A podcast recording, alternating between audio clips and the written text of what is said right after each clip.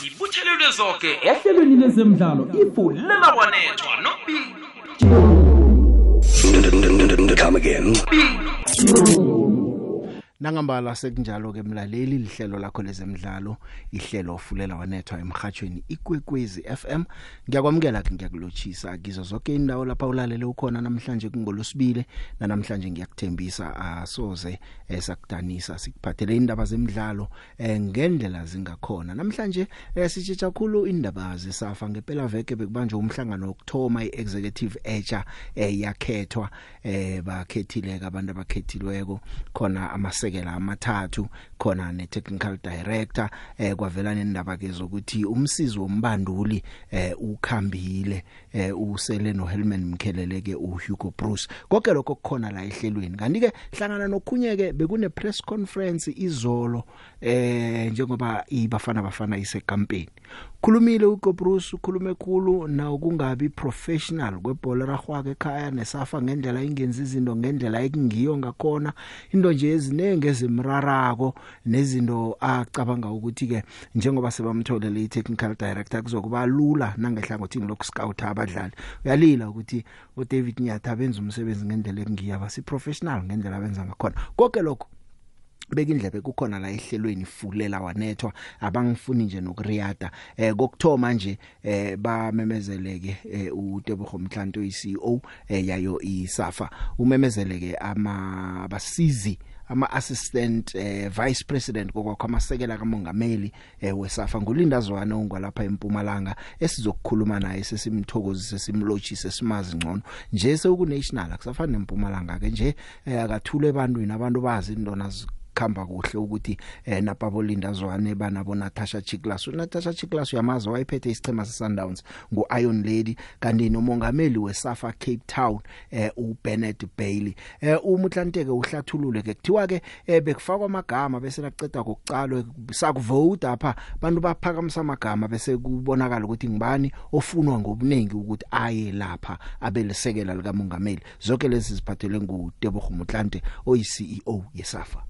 Of course, we had uh, our first National Executive Committee meeting, and as expected, the NEC has uh, appointed the Vice President, and uh, the Vice Presidents appointed uh, Mr. Linda Zwane, uh, Ms. Chiklas, and uh, Mr. Bailey. They are now new SAFA Vice Presidents. Of course, in terms of in terms of the Constitution, it says the National Executive Committee will appoint uh, the, the the vice presidents. So the National Executive Committee uh, then uh, put the names of their preferred candidates, and uh, after that process of putting the candidates, uh, the people who were successful in that, uh, who got the highest number of people who says we endorse them, it was the three, which is. Zibuthelelwe zonke ehlelweni lezemidlalo ifulela kwanethwa nobili Come again. Imzuzu ke nje ilithumi nemzuzu emibili ngemva kwehour lesihlanu. Sisaraga nje eh sisayezwa ebezenzeka emhlanganweni ebewubanjwe ngempela veke eh okhunye kabakwenzileko ke bamemezele lapha ke i technical director eh ngu Walter Baresi Steenbok. Yanguye ke i-technical director etsha eh uvezwe khona emhlanganweni lo yake kuthiwa lapha ke i-National Executive Committee yonke ivumelene yam endorse ukuthi akube nguye eh ngemva kokuthi ke anyulwe i-technical committee ke. Khumbula ukuthi isikhundla esike iminyaka emibili solo kwakhamba lapha ke owayengu Neil Tovi ngo2020 eh yabathatha lapha ke i-head of coaching yeSafa uFrance Mogashwa eh kwesigiyano wasebenza sebenza as i-technical director. Kodwa na ke kuleli hlandla ngathi bathola umuntu o owufundeleko umsebenzi abamphe wona. Azange bathi kade udlala ibhola namtjana wenzani iza uzokusebenza. Akhe sizwe uTebogo Mtlante nakasitshela ngaye kanti uSteenbok lokuthiwa ke vele nje bekavele ayi favorite ukuthi asithathe lesi sikhundla. Naye ke uzozikhulumela ngemva komtlante athi ukuthi bekuvele kulibhudango lakhe kwakade asathoma ukwenza imfundo zakhe zokubandula ukuthi ngelinye ilanga ufuna ukusebenza ehlanganweni elawula elawula ibhola la eSouth Africa And then uh, the last issue is the issue on uh, the technical director. The technical committee has uh, made a recommendation to the NEC and uh, provisionally, I'm saying provisionally because I must still meet with uh, the incumbent and we agree, and uh, after we have agreed, finalized. But provisionally, Mr. Walter Steenbok has been approved as the, by the NEC to be the technical director. Big, big, big, big, big opportunity, and also thanks to uh, the South African Football Association. Uh, you'll understand that I come through the structures. You know, I was developed by South African Football Association. Um, if you check where, where I played football uh, in the Mangaung Local Football Association, I also played in the Northern Suburb Local Football Association in Cape Town as a student. Um, again, having uh, graduated through all the qualifications in, in the South African uh, coaching uh, program, you know, including the, the youth license that you might not be aware of. So, it- like I said, it's a big opportunity to be here. Uh, it's a it's a pathway that I have I have crafted uh, for myself um, when I took a decision in 2018 to go to Manchester Metropolitan University to to study sports directorship, which in most cases people say it's uh, tech- technical director. You know, so um, I took that conscious decision to equip myself with this. You know, and you'll understand that. Uh, I've done coaching at junior level. I've done coaching at, with women's women's football at university level, um, regional league, uh, ABC Motsepe League, NFD, and the PSL. And I've also done scouting. I've done performance analysis. So this is this is this is the moment, you know, where I really feel that I'm more at home and to serve the the, the football association, you know, with with with, with commitment and distinction. Siyamthokozisa ke uSteenbok ngomsebenzi wakhe awutholeko. Kanti esiveleko ngezokuthi ke u- umsizi wombanduli eh uSedomir Javenski ebekamsizi ka Hugo Bruce abuya naye le Belgium. Eh uthole umsebenzi lapha eCyprus eligini enkulu yakhona isichema eh bathi IL Masol ngiso ke esimfunileko yokuba ihead coach lapho eh wa resigna ke ngapha kubafana bafana. uTebogo Mhlanteke uyatsho ukuthi bamukele ukuresigna kwakhe wabongezelela ke wathi ke eh Hugo Bruce batsho ke eh ucomfortable ngokusebenza no Hangman Mkhelele yedwa ukuya phambili? Ukhumbule ukuthi isichema lesi ayakiso eh uSidamo sichema eh, esidlalelwa lapha ke ngumihlali Mayambela eh obizwe kwesichemeni senaga nje eh udlala lapho ke kanti ke uJivenski lo uthole icontract yeminyaka emihlanu esichemeni eso akhe sizwe ke eh ngomutlante nakasitshela indaba yomsizo umbanduli I had also informed the NEC about uh, the amicably parting ways uh, with the assistant coach, Coach Chedo. He had got an opportunity to go and coach uh, somewhere overseas. So, as the head coach, because he was here as the assistant, after discussing with uh, the senior men's national coach, we then agreed that uh, we should not deny him an opportunity. So we have decided to part ways with him, though we had a running contract with him. Well, uh, there are national teams which have succeeded with one national assistant and uh, coach. You know, you always take tune from the coach. If the coach says, I'm comfortable knowing the volume of work which is there. So we are happy and we'll see how it goes by. Remember, these decisions are not fixed. If he comes back later and say, look, having looked back, I think now I need someone, we'll look at it. But currently he said he's comfortable in having Coach Elman Kalele as his only assistant. also, but uh, technically, um, the FA could, could still review the decision in future. Well, of course, uh, gu- guided by the coach. Remember, even this uh, two assistant, it was the coach who came and said, "I have one assistant," and we said our policy is that you must also groom a local coach. And uh, Helman Kalele was there. We did not impose Helman. He interviewed a number of them and came to Helman. So now he's saying he's happy to have Helman there. Batsho uBruce uthi eh ulungile uHelman Mkhelele.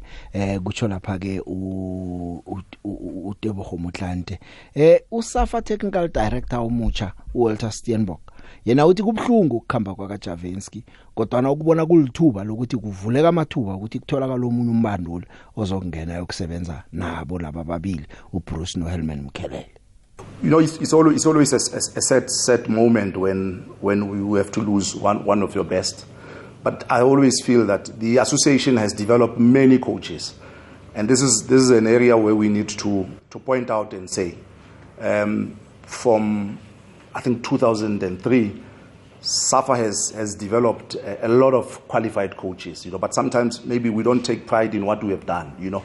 So we should be able to be able to replace anybody, you know. So it's, it's, it's a big opportunity, you know, but of course, when you lose someone, it's, it's always a problem. But I think we are, we are capable, and South Africa has, you know, diligent and qualified coaches across. lalele kuhleke uyamzwa u technical director uthi no lithuba akutholakala omunye we South Africa asebenza Hugo Bruce uthi i angifuna umuntu mina kanje ngilungile ngomkhelele nangabe kuyahlogeka ukuthi ngithola omunye uyomfuna ngabhejeya godi utsho njalo uthi no ngizayomfuna eBelgium godi nangabe kufuneka omunye eh, umsizi wombanduli. Uyabuza nokuthi nakhona kanti kuba yini bekumele abe labasizi ababili? Akusana ndaba so umtholi lo umkhelele so ulungile naye nakumele ukuthola umunye ozazifunela. Like you said, or you uh, you replace him, or you go on with what you have. And um, if I have to replace him, so I, I I can tell here I will take this South African or this South African. I don't have enough um, information about the South African, so it would be again a Belgian if I should replace him. But I've I'm so confident in what I have now. I didn't know Hellman one year ago. So that is also the reason when you are going abroad that you take someone of your country because you can trust him for 100%. And you know how he's working, so there is no adaptation. So, but again, Hellman helped me more than Shadow in the first months because he knew South African football. So we, it, it, it went quicker to know the players, knew the players also here. So I know his um, opinion about football. I know, his, I know his opinion about other things. So why should I take another Belgian coach? I'm so confident in him now. So we go on with him. And uh, there will be no time to adapt again to each other me maybe less because if it should be a Belgium I know him, but again the rest of the staff. And secondly, why do you need two assistants? I don't know why. I don't know why. I had two assistants, but you know the reason why they had to. Uh, because Elman knew the South African football. But now, why should I take another assistant? Elman is. Uh, is competent for 100%. So I go on with him, and uh, it will be a success, I know. Zibuthelelwe zonke ehlelweni lezemidlalo ifulela kwanethwa nobili Come again. landela ikwekwezi fm enkundleni zokuthintana ukubana ikwazi ikulandele nawe. Tiktok at ikwekwezi fm rawubona kumnyama khulu kuzokuvela umkhanyo ikwekwezi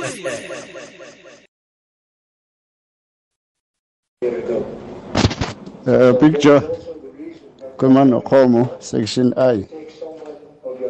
Ayugo Bros picture. Senguye president yeSAFA. Uyazidecidela ukuthi replacement akayifuni.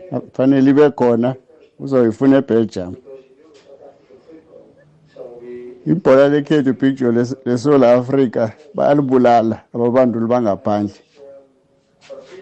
ngikho nje eSouth Africa ibhola elalidlalwa bo-Sundowns bo-Pirate bo-Kaizer Chiefs alisekho ngenxa ababanduli abagcwele ku-PSL ingasibo balapha picture hawa picture yikho bros hawa kanakhe le mangaba akazokuza nemphumela picture akakambi khulumana khomo picture section i mlandela amakhosi ya siyathokoza khomo eh khomo sisazokubuyela siye eh ku press conference lapha uGo Bruce bekakhuluma khona nembiki indaba eh lezi sezindaba zangomgcibelo labe kukhethwa khona. Sisabuya eh usazokuzwa okuningi kodwa kwanje indaba zangomgcibelo akhethiwe amasekela wakamongameli uDeni Jordan eh ikhethiwe i-technical director. Hlangana nabakhethiweko eh ngumongameli weSafa Mpumalanga ubaba eh uLinda Zwane nje sewuyi deputy eh uyi assistant yaka Danny Jordan National yakasiyedwa eh nguye lapha ke no Natasha Chiklas eh ngiboka abakhethwe kobathathu kokwakho nomongameli eh weSafa eCape Town lapha ke eh ukhethwe naye bathathu. Manje ke ngithe no man ake sikhambe siyokuhlola lapha ke eh ubaba uzwane. Eh omnye lo weSafa Cape Town president kuBennett Bailey eh bese kuba ngu Natasha Chiklas no baba uLindazwane babuzwane ngiyakwamukela emhathweni kwekwez FM yeche baba Eh sithokoze picture eh sibingelela abalaleli emakhaya. Sibingelele nawe. Ngiyathokoza ukuthi uzosilochisa namhlanje. Nasikhuluma nawe phela. Sesikhuluma ne vice president yeSafa National sithokoze. Ya eh babuzwane abantu kukhona abangakwaziko. Ngiyazi empumalanga uyaziwa kodwa na nje sewuku spotlight unational eh ngithe ngikuthathe ngizokuthula ebantwini. Eh kancane nje uthini emthandini webhola eh eragwako eSouth Africa na uzi introduceako eh picture uh, ulindazwane is uh, uh, umfana ozalelwe eMpumalanga ukhulele eMpumalanga eh eh kumanje usendaweni yase Delmas eVictor Khanye la ahlala khona. Eh ni nibe involved ku football eh at an early age.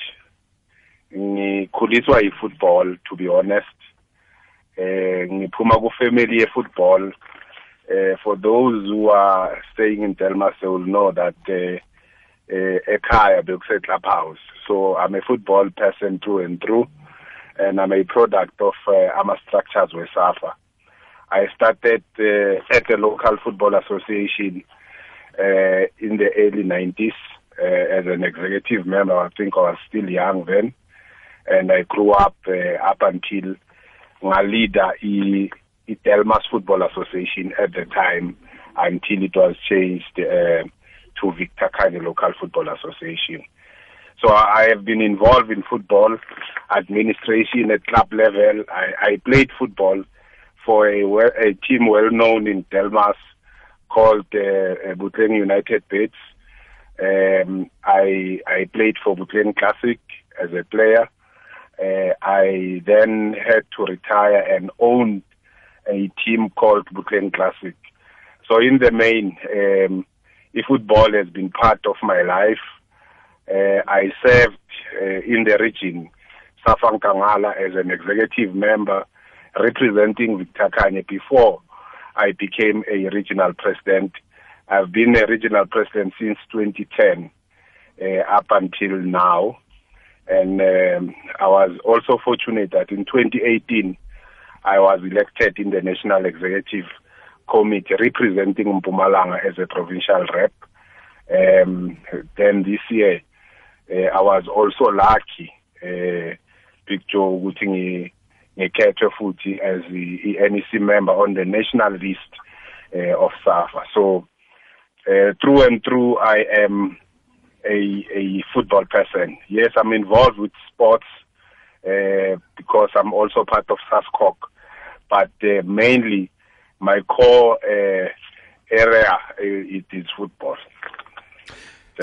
Siyathokoza eh babuzwane. Kuyezwakala ukuthi nokho awusimuntu ofikako sewadojwa lapha kwathiwa iza uzokubalisekela kade ukhona. Bewukulindele nokho bewuexpectile ukuthi ungakhethwa namhlanje eh, ube yideputy president namtjana kube yinto e, eba yisurprise nasenifika ku conference le emhlanganweni. Uh, yeah no uh, I, I can say that uh, I was not expecting um ngicabanga ukuthi picture kuba inhlanhla eh bebangakhetha noma ubani but uh, because of imisebenzi esiyenzayo abantu they notice they might not tell us ukuthi eh wenza kahle but abantu bayabona. So sithe sifike emhlanganweni then people nakufakwa amagama nelami igama belikulaba aba abaphumelele. So eh ngasho ukuthi nje i i think the accident of my work uh, made uh, people to realize ukuthi um, i am capable. So it was not an expect i was not expecting equality is not an entitlement. Ukuthi bekumele kube yini cha bekungabe banganika noma ubani.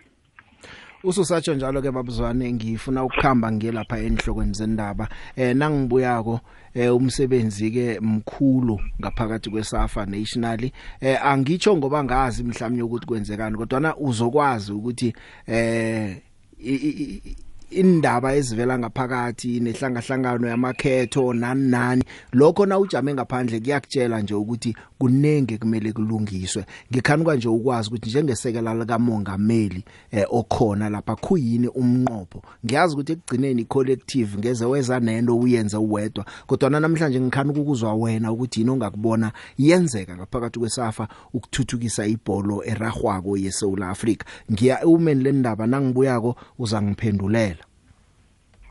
Keva ulalele ikwekwezi fm emalahleni 91.8 fm indaba ezikhamba phambili zemidlalo. Fumana zemidlalo zitshisa nobig joe.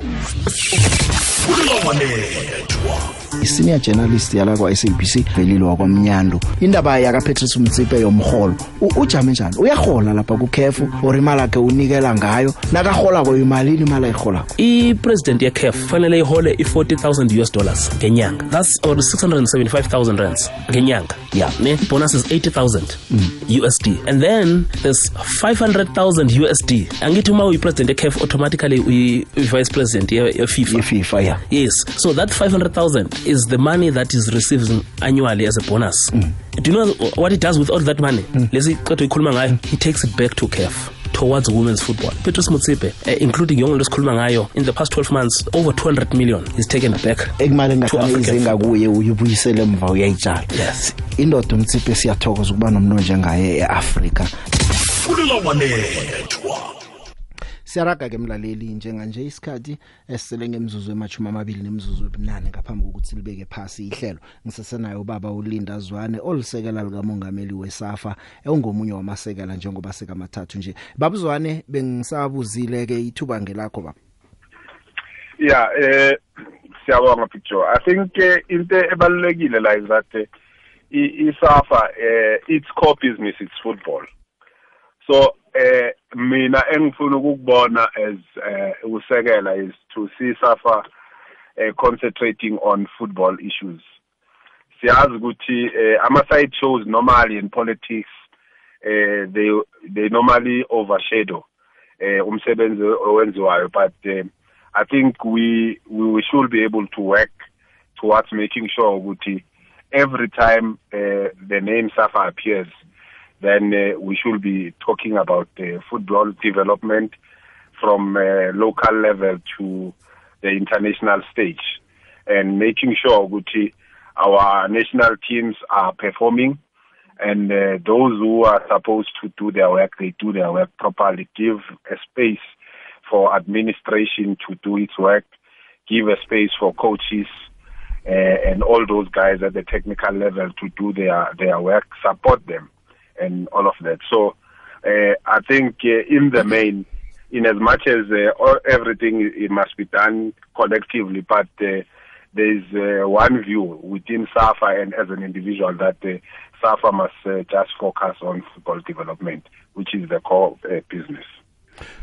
Zwakele babuzwane babuzwane namhlanje bese ngikuthula nje ngikulethe ebantwini umsebenzi sesemkhulu kunenge sisaza kukhuluma sinawe. Eh nje angifuni ukukungenela kakhulu ngihle ngikubuza into eziningi. Unamalanga amathathu amane uhlezi kulesi sikhundla kodwa na ngiyazi ke ukuthi sizokuhlala sinawe la emhathweni Yes picture ah ngihlala ngikhona kwekwezi ngaso sonke isikhathi.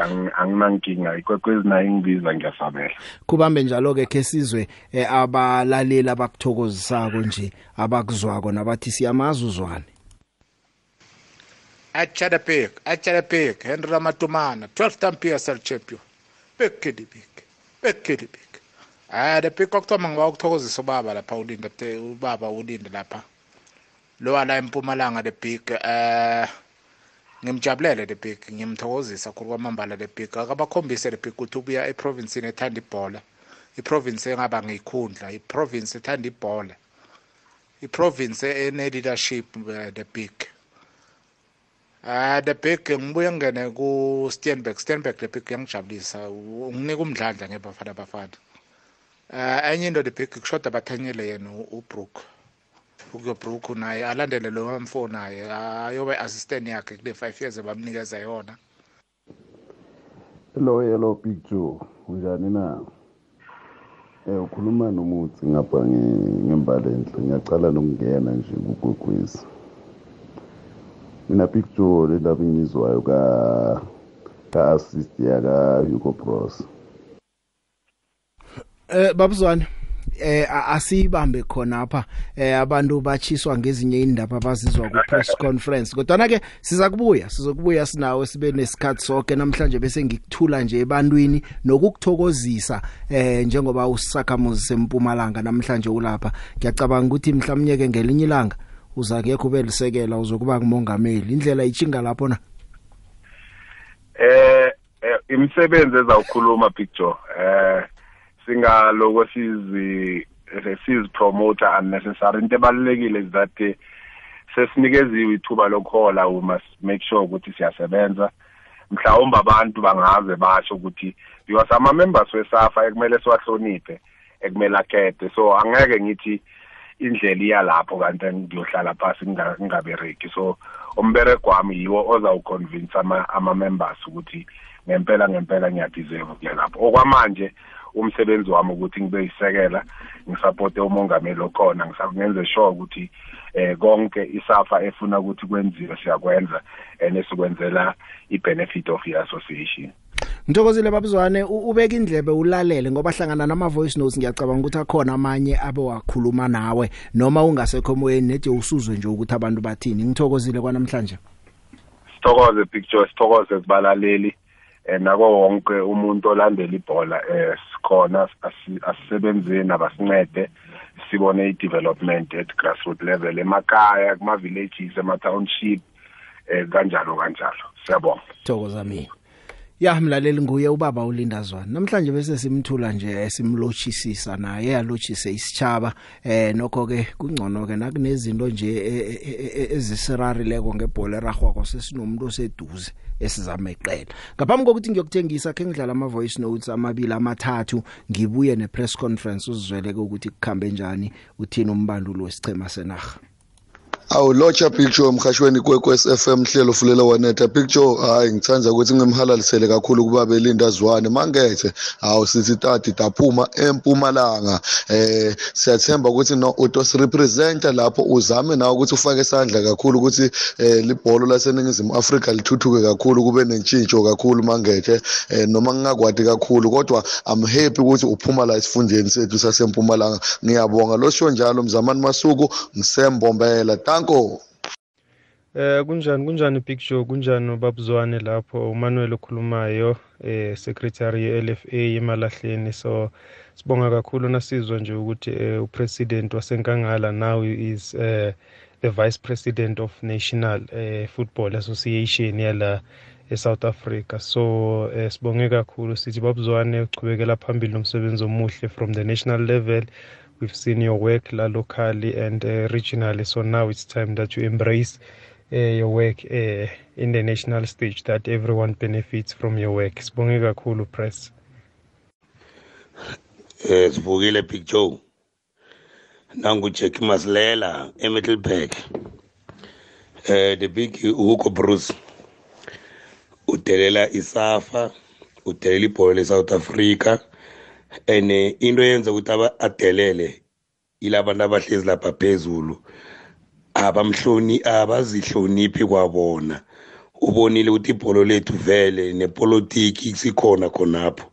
So vele ngeke asihloniphe uGobrus uzokhuluma noma yini afuna ukukhuluma ngebholo lethu.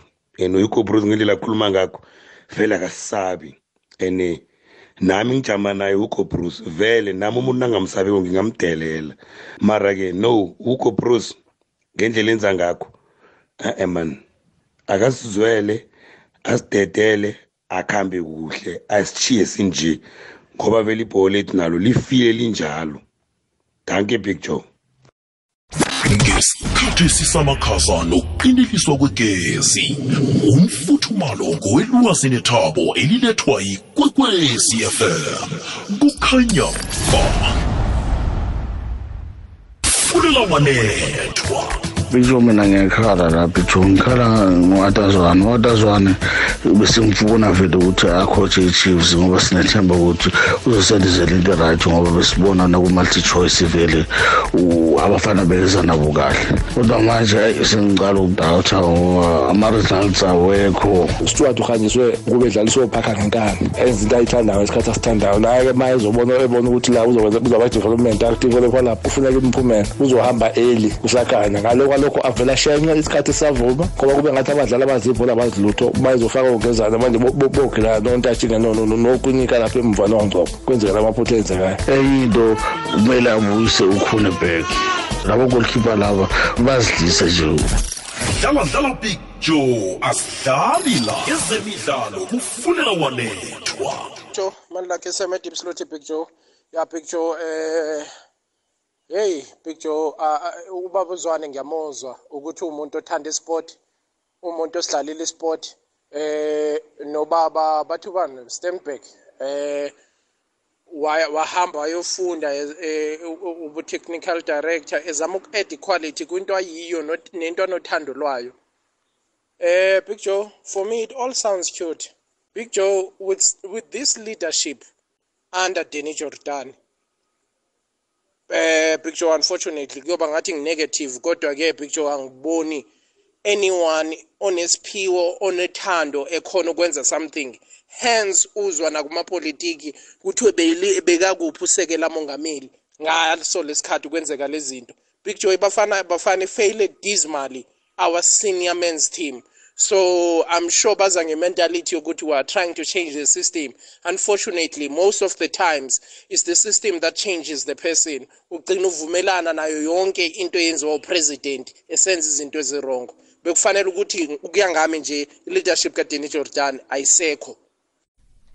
Ya iphuzu lelo yabona into ekhona abadosi phambili beSouth Africa abaningi bazi eh bazi surrounda ngabo yabas. Umuntu okuvuma yonke into ayichoko eh umuntu ongafune ukuchallengewa umuntu obanguzwi lakhe. Ngobuningi nje abadosi phambili abaningi ingasebholeni raho kuphela kuvamile ukuthi kube into enjalo. Sithembeke ukuthi mhlawumnye sizakubona umehluko eh asazi. Kodwa na ke bathi di reto aditswa mukato akhe sibaqalelele sibone ukuthi eh ubudosi phambili obutsha amachuguluko waza kubangangani eh uStienberg ke ufikile ke eh esicabanga ukuthi mhlawumnye kuzakuwehlisa umsebenzi nepressure ku Hugo Bruce ngoba uHugo Bruce ucomplaina nge lack of professionalism ngaphakathi kwesafa nama programs ye national team uthi akazwisisa ukuthi asebenza njani. Eh uthi ke mhlawumnye ke nje eh ne scouting network lesi eh, mhlawumnye sizamsebenzela ngoba lesi saka David Nyathi uyasihlaba hle uHugo Bruce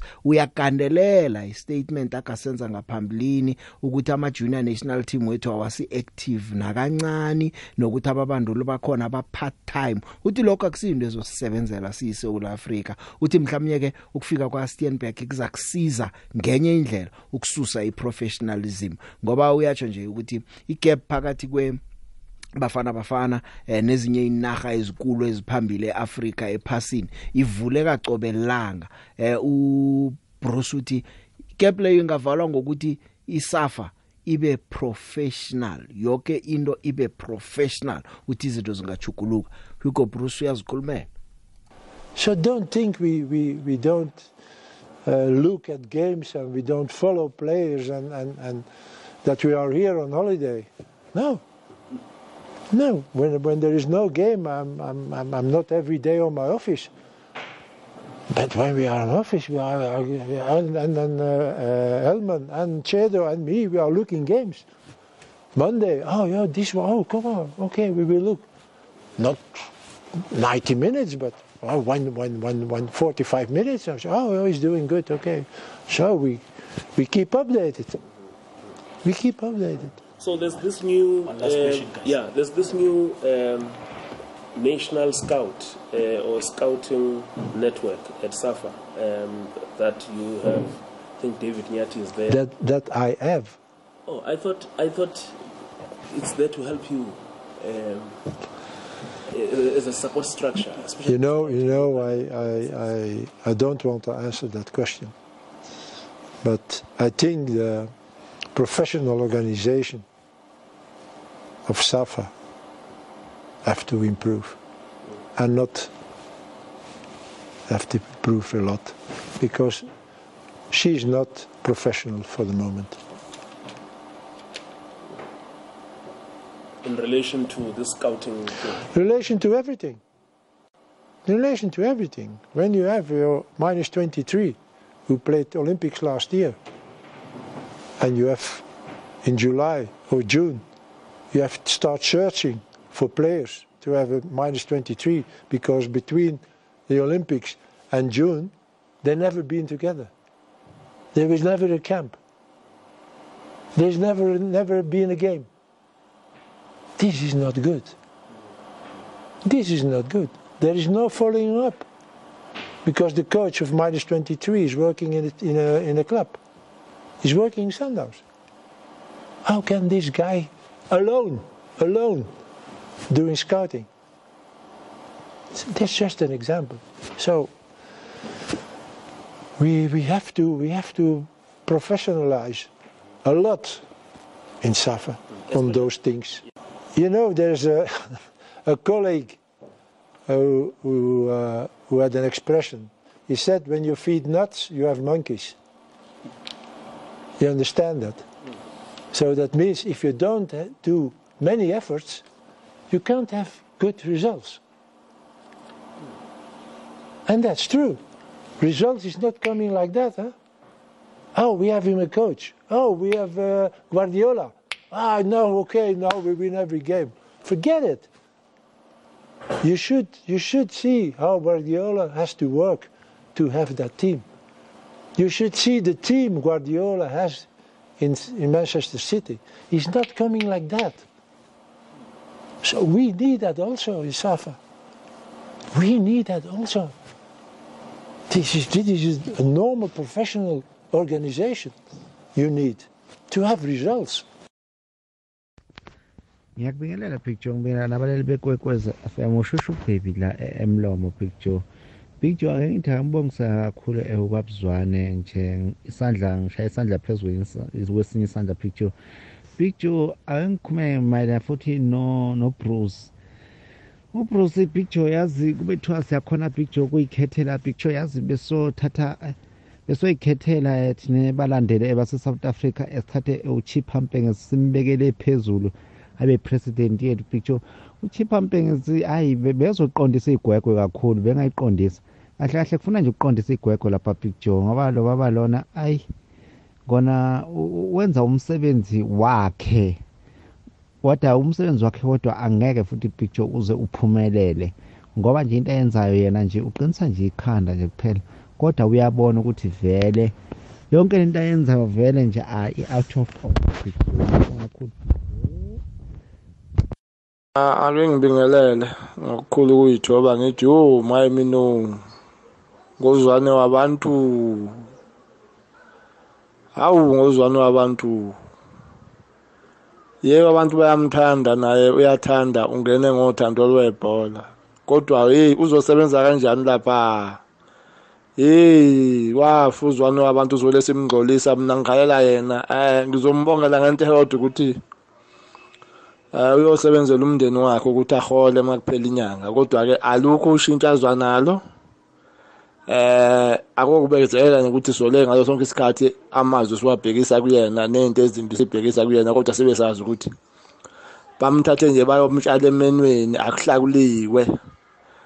Hayi isafi ifuna ukuhlakulwa bese kungena abantu abafana nobabuzwane abazosebenzela izwe iSouth Africa. Makusekhona uJordan wo maye mino wawavelela umntana omuntu uzohluleka na uhambe emall ngenyawo kanti kade la kahle khululekile avuke ngabi nankinga ngoba kade engekho obala. Useqhulwini manje akazi uzosaba ngisho ungena emall manje ngoba phela sizofuna ukuthi silazi ukuthi kwenzakalani kusafa kanti siyazi sifuna kuzwa ngayo ngaphakathi. Siyambongela nje yena ngiyambongela nkosami ngoba ke ungene yena ngoba engeniswa uthando lwebhola kodwa ke hayi hayi eh sebenzela ingane zakho umntana omuntu udlela imali ukhohlwe. Ayikho into oyenza lapha alukho usho into ozoba nalo lapha. Into ozoyenza uzogwatshiswa ugcinazelwe. Eh uma ukhuluma amaqiniso uzoxoshwa kube kuphelile. Eh ngiyabonga Joe. Eh bese ngithi kumangethe eh uyena ofuna ukuzosa kubantu. Eh uma ungakamtholi umdlali ozodlala imiclifleet ngendlela ngoba uPlom la ngisezama ukumkhombisa engabe utholanga umuntu ofana noningo mashe eh uKaizer Chiefs ozodlala eswini. Ah amsebenzi wakhe ngibona ngathi uzogcina ukhomba. Maye ezoqhamuka ezothi kubantu akaseze akasezosayina muntu kodwa kukhona abadlali abasendalini abakhona okufanele ngabe uyabathatha engabathatha nanga umthetho kuStellenbosch engabe uthatha yena ukuze akwazi ukuthi umdlalo wakhe uhleleke. Ngiyabonga nje umchunu yabonga kwelula dlala dlala big joe asidlali la. Ezemidlalo kufunela wanethwa. Lapha kulomkhanyo khona ithemba likhona Professionalizing, but again, it not only depends of Safa, eh? because this is easy to tell now, oh, Safa, Safa. That's not true. This is together. PSL, SAFA, everybody has to work in the same direction. And here it's a little bit more okay. That's mine and I'm okay. Those are mine is okay. Yeah, come on. Hey, you see now with uh, with the scamp in November. I'm afraid for the answer. I really, I'm afraid for the answer. And this is important eh, because you play in November, uh, in March. Uh, everything or nothing eh, in March. Yeah, it's like that. So give them the opportunity to have a good preparation for those So games. with Liberia playing at home now, eh? Liberia is playing against Egypt in November. Already done, fixed, already. We are still waiting. Can we have it camp? Yeah. uBruce kusesenguyeke ukho Bruce eh uyalila ukuthi man ngoNovember akukhoneki nokuthi kudlalwe imidlalo yobungani eh ngoba iPSL nephaliswano leCarling Black Label ngezinye zezinto nje alila ngazo uBruce isikhathe esayisigijima uBruce unendaba eziningi eh kuneke besizokuzwa ngaye nawe sikuzwe ukuthi uthini wena ngaye Hey, the pig. Hey, ngiyayizwa le ndoda le the pig. The pig, uh, I think uh, Hugo Bruce must just do the honorable thing and leave uh, Bafana Bafana. You know, I understand ukuthi uh, our football in our country is, is, is, is, down. But this guy, he always come up with a lot of things, you know. Professionalism, last time bakhona ukuthi amaplayer wethu akala amaplayer adlala ngaphandle. You know, he come with a lot of excuses, you know. Angazi ukuthi isafa, they can't see with this guy. He's not ready to coach Bafana Bafana. I mean, uh, I mean, this guy is always come out and talk. I understand. Apa point amanye vana aveze. Appreciative. But this guy, he always come with the uh, negative things, excuses, every time. Thanks. Eh sabona picture. uMike la eRandburg. Ah mina ngiyavumelana picture ne Hugo Bruce into ayikhuluma. Isidingo sokuthi kube nama assistant ayi3 siphi. Just a waste of money. Bhatala abantu lapho bangenzi lutho. I-coach ne-assistant eyi-one zingawenza umsebenzi picture. Sadevelopa team zakha i-team. There is no need ukuthi no kube nama-assistant ayi-3 ezakhuluma uyikho bruce. I-just isafa leyo picture. Iradwa njengesiphaza shop.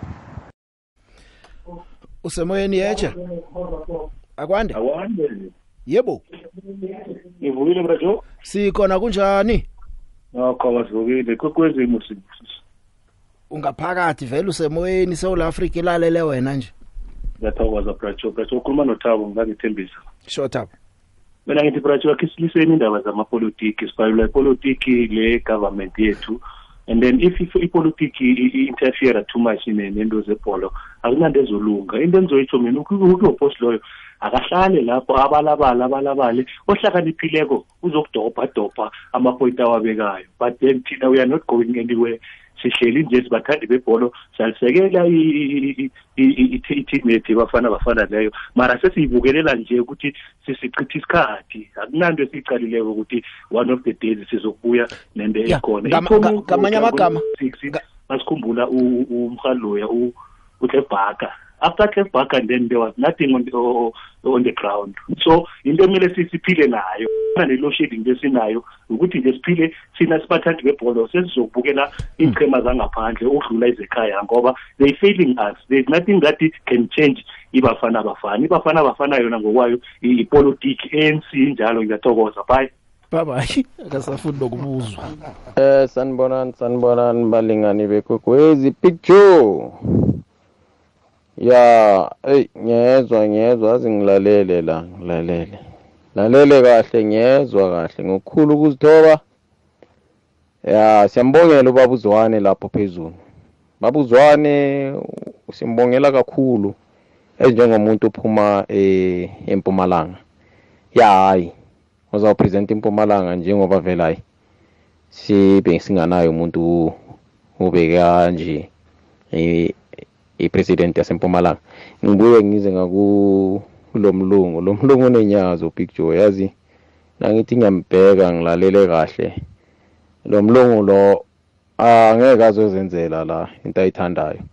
Uzayenza into ethandwa yithi. Phela yithi kuzakosela ukuthi sibeke umbono ukuthi kwenzakalani ngayo mara ngale ndlela yena sifuna ukuzo-operate ngayo lezi zinto lezi ngathi uzakhosela ukuthi abeke phansi because le five years abakhuluma ngayo ngathi izoba sekudeni kakhulu bayo usomathwinsana esheldon u-ab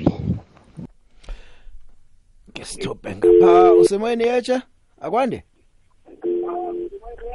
Nivukile. akwande baba Nivukile. kamnandi khulu Oh siyaphila. Picture ngubaba umnanhlanhla kwesport Kimbo Somaseko ezomovu. Mhm. Um indaba uGopros eh ngike ngayitsho picture ngathi mina dimen uyasicabangela. Usikale wasiceda njenge country ukuthi laba nangabatshela ukuthi mina ngicabangani namhlanje sibazokuzwa ngazi next umkhulu loya asiyindawo ngaye ngisatsho picture ngithokozile ngibaba umnanhlanhla kwesport Kimbo Somaseko. Ngithokozile baba omncane. Ya mlaleli isikhathi siyakhamba sona. Kusasa eh ngizokupha ithuba. Nakusasa singaraga sikhulume. Ibafana bafana ivekele nevekeza kwenye nenye into ephathelene bafana bafana. Nakusasa na ungakalithoba ilinu- ilithuba namhlanje ungangena. Siza kuphathela nezinye ke ezikhona zengichema zenu. Njengoba nazi ukuthi window period iyavala nje eh ngolosine ngo12 ebusuku siza kuhamba sifuna funa ukuthi bakhona baburuja kona abakhamba badobha lapha nalapha nangolosine sikucalele eh nemakhufe ikona phela veke kudlala imakhufe eh, isichema seKaizer Chiefs sidlala neRoyal AM kumakhufe. Zizinto nje ongasuzilinele ehlelweni fulela wanethwa ivekele sakunande stopha lapha nalapha. Ngithokozile mina ngakela mihlangothi usibusiso nangusibu Njani kunjani Jo? Sikambe siye Bloemfontein emakhufe mfo. Ya iChiefs ngqona izidobha dobhele lapha kusizi msini. Itopi makhufe le Ya. hayi akunandaba ukuthi kwinani ifestival emnandi makhufe ngifuna siyoyibukela mina siyoku-enjoya singabukeli ibhola kuphela And okhonye ngikhanukako man uthi window period ivala nini ngolosine? ngolosine ya ngo-12 Ngathana kunenqhema embili zeSoweto lapha kezo sichinge lapha eTlorekop lapha. Nestriker ngisibonako esangigijimela Kemit lapha. Erasmus. Ya ke bokudobha yena man. Wela ngazi mina ngikhuluma ngefestival emakhufe soku-enjoy i-jazz cultural festival awuyingeni yami ukhuluma ngesicema sakho ngithokozile raga sibuya.